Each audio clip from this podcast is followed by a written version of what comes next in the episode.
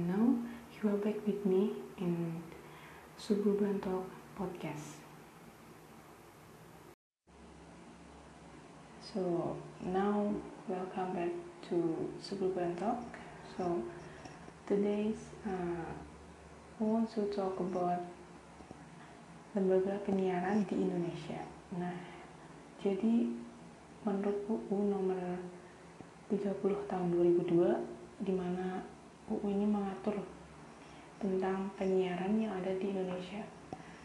Jadi menurut undang-undang ini UU uh, nomor 30 tahun 2002 pasal 1 siaran sendiri adalah suatu pesan atau rangkaian pesan dalam bentuk suara, gambar atau suara dan gambar atau yang berbentuk grafis karakter baik yang bersifat interaktif maupun tidak yang dapat diterima melalui perangkat penerima siaran. Dan sedangkan penyiaran e, sendiri adalah suatu kegiatan pemancar luasan siaran melalui sarana pemancaran dan atau sarana transmisi di darat, di laut, di, atau di antariksa dengan menggunakan spektrum frekuensi radio melalui udara, kabel, dan atau media lainnya untuk dapat diterima secara serentak dan bersamaan oleh masyarakat dengan perangkat penerima siaran. Jadi menurut undang-undang di sini juga eh, di Indonesia sendiri ada eh, beberapa penyiaran yang seperti penyiaran radio, televisi, siaran iklan, siaran iklan niaga, siaran iklan layanan masyarakat, spektrum frekuensi radio, lembaga penyiaran, sistem penyiaran nasional, dan tatanan informasi nasional. Nah, dalam kali ini uh, mau bahas lebih lanjut mengenai lembaga penyiaran.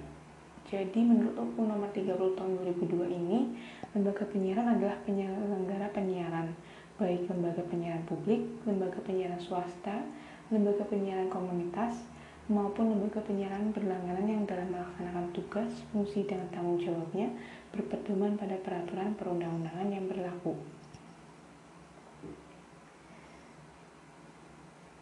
Nah, seperti yang sudah dikatakan sebelumnya, di sini dalam UUD UU nomor 30 tahun 2002 ini eh, juga diatur mengenai penyelenggaraan penyiaran sendiri, di mana Eh, dalam pasal 6 ini dikatakan penyiaran diselenggarakan dalam satu sistem penyiaran nasional. Dalam sistem penyiaran nasional, sebagaimana dimaksudkan dalam ayat 1, negara menguasai spektrum frekuensi radio yang digunakan untuk penyelenggaraan penyiaran guna sebesar-besarnya kemakmuran rakyat. Dan pasal 3 ada dalam sistem penyiaran nasional terdapat lembaga penyiaran dan pola jaringan yang adil dan terpadu yang dikembangkan dengan membentuk stasiun jaringan dan stasiun lokal untuk penyelenggaraan penyiaran sendiri dibentuk sebuah komisi penyiaran.